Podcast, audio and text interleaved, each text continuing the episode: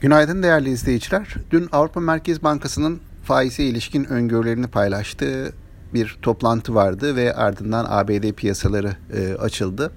Ee, bu iki gelişmenin ardından dolar TL'de bir miktar hareketlilik gördük ve bu hareketlilik neticesinde bunun borsaya yansımaları özellikle bankacılık hisselerine yansımaları olumsuz oldu. Banka hisselerinde %2'yi aşan bir kayıp var. Borsada da BIST 100 endeksinde de %0.5 düzeyinde bir kayıp gözlemlemiş olduk.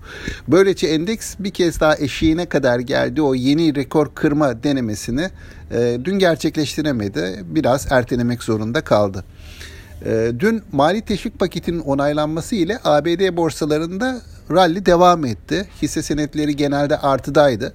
Bu sabah açılışlarına baktığımda da ABD 10 yıllık tahvil faizinin önceki güne hafif, göre hafif arttığını, vadeli endekslerde ise nispeten dengeli bir seyir olduğunu görüyorum. Diğer taraftan sabah açılışında TL bir miktar değer kaybetmiş gibi görünüyor dünkü kapanış seviyelerine kıyasla.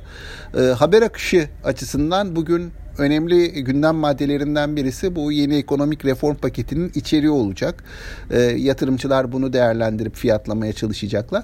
Ayrıca gelecek hafta Merkez Bankası'nın para politikası e, kurul toplantısı var. Bu kurul toplantısında alınacak faiz kararı da yine yatırımcıların ajandasında başlarda yer alıyor ve yine buna dönük olarak pozisyonların güncellenmesi, gözden geçirilmesi söz konusu olacaktır diye düşünüyorum. Dün e, bu son 1-1,5 saatte ortaya çıkan satış sonrası BIST'in e, güne hafif toparlanma çabası ile başlayabileceğini düşünüyorum açıkçası. Ancak e, borsada dikkat çekici şekilde işlem hacminde zayıflama söz konusu son dönemde.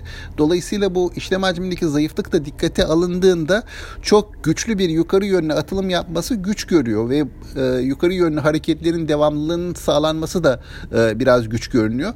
Dolayısıyla açılışta belki dediğim gibi bir toparlanma çabası söz konusu olabilir ama sonrasında yatay bant hareketini devam ettireceğini tahmin ediyorum borsanın. Şimdilik benim aktaracaklarım bunlar. E, iyi bir hafta sonu diliyorum şimdiden. Sağlıklı, bol, bereketli, kazançlı günler diliyorum. Seans sonrası yeniden görüşmek dileğiyle.